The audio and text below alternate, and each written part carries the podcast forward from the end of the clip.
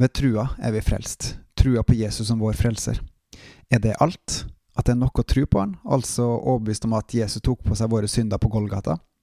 Nei, det er mye mer, og det er en enorm gave fra Gud, for vi skal ikke være alene nå som Jesus sitter i himmelen. Velkommen til Gud i sentrum av meg, Håkon Winnem, der jeg har lyst til å snakke om et annet aspekt ved Guds rike.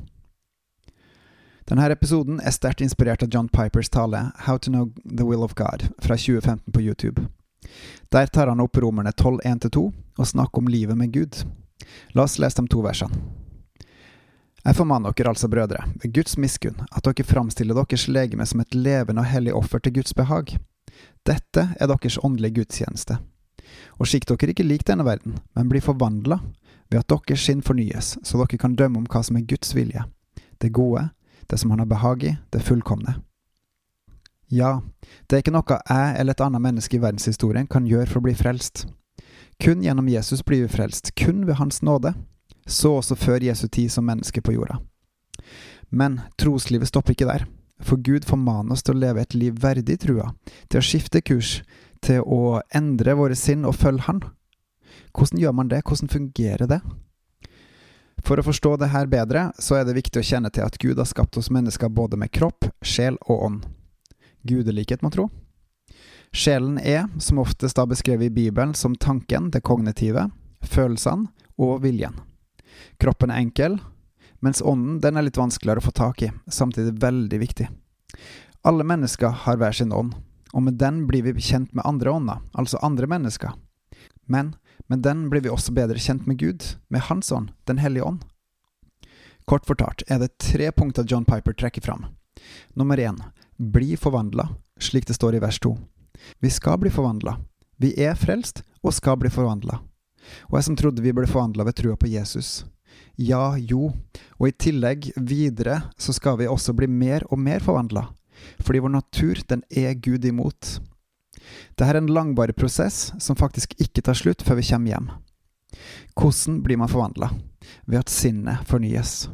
Sinnet, altså tanken, viljen og følelsene, må forandres. Vi er mennesker lik, fordi vi er mennesker. Vår natur vil ikke Guds vilje, så vi må ta opp kampen og kjempe. Det er et valg, og skal man klare det, så er det bare å begynne. Ingen trening, ingen styrke. To. Men hvordan trener man? Jo, man trener med Gud, man ber. Enkelt og greit. Vær med Gud, snakk med Han, fortell Han at du vil forandre sinnet, at du vil følge Han, at det ikke alltid er så lett, men at du vil. Og vis Han at du mener det gjennom igjen og igjen og igjen si det til Han. Hvor lenge? Den svake gir opp, den som vil bli sterk, fortsetter. Hva er du? Skaff deg eventuelt en treningspartner. Det er også godt. Men vær uansett også alene med Gud, din far som elsker deg så høyt at han har gitt deg alt du har og trenger. Be om å bli forvandla. 3. Bli fornya i deres ånd og sinn, sier Feserne 4.23. Vi skal også bli fornya i vår ånd, altså den tredje delen av oss mennesker, ånden. Hele Skriften er innåndet av Gud og nyttig til lærdom, til overbevisning, til rettledning, til opptuktelse i rettferdighet, sier 2. Timoteus 3,16. Bibelen, både Skriften og NT, er ville av Gud, den er Guds ord.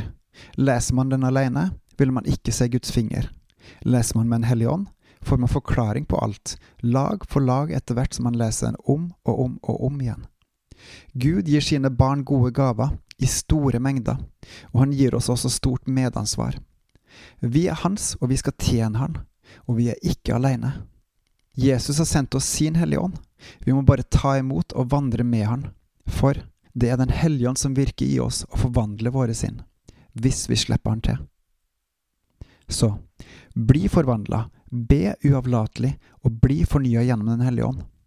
Da vil Guds rike vokse, da vil Hans vilje skje, da vil Han bli æra. Helt til slutt så har jeg lyst til å lese opp Jesaja 62, vers 3-7. Og du skal være en prektig krone i Herrens hånd og et kongelig hodesmykke i din Guds hånd. Du skal ikke mer kalles den forlatte, og ditt land skal ikke kalles en ødemark. Men du skal kalles min lyst, og ditt land skal kalles ekte hustru. For Herren har sin lyst i deg, og ditt land skal bli tatt til ekte. Som en ung mann tar en jomfru til ekte, slik skal dine barn ta deg til ekte. Og som en brudgom gleder seg over sin brud, skal din Gud glede seg over deg. På dine murer, Jerusalem, setter jeg vektere.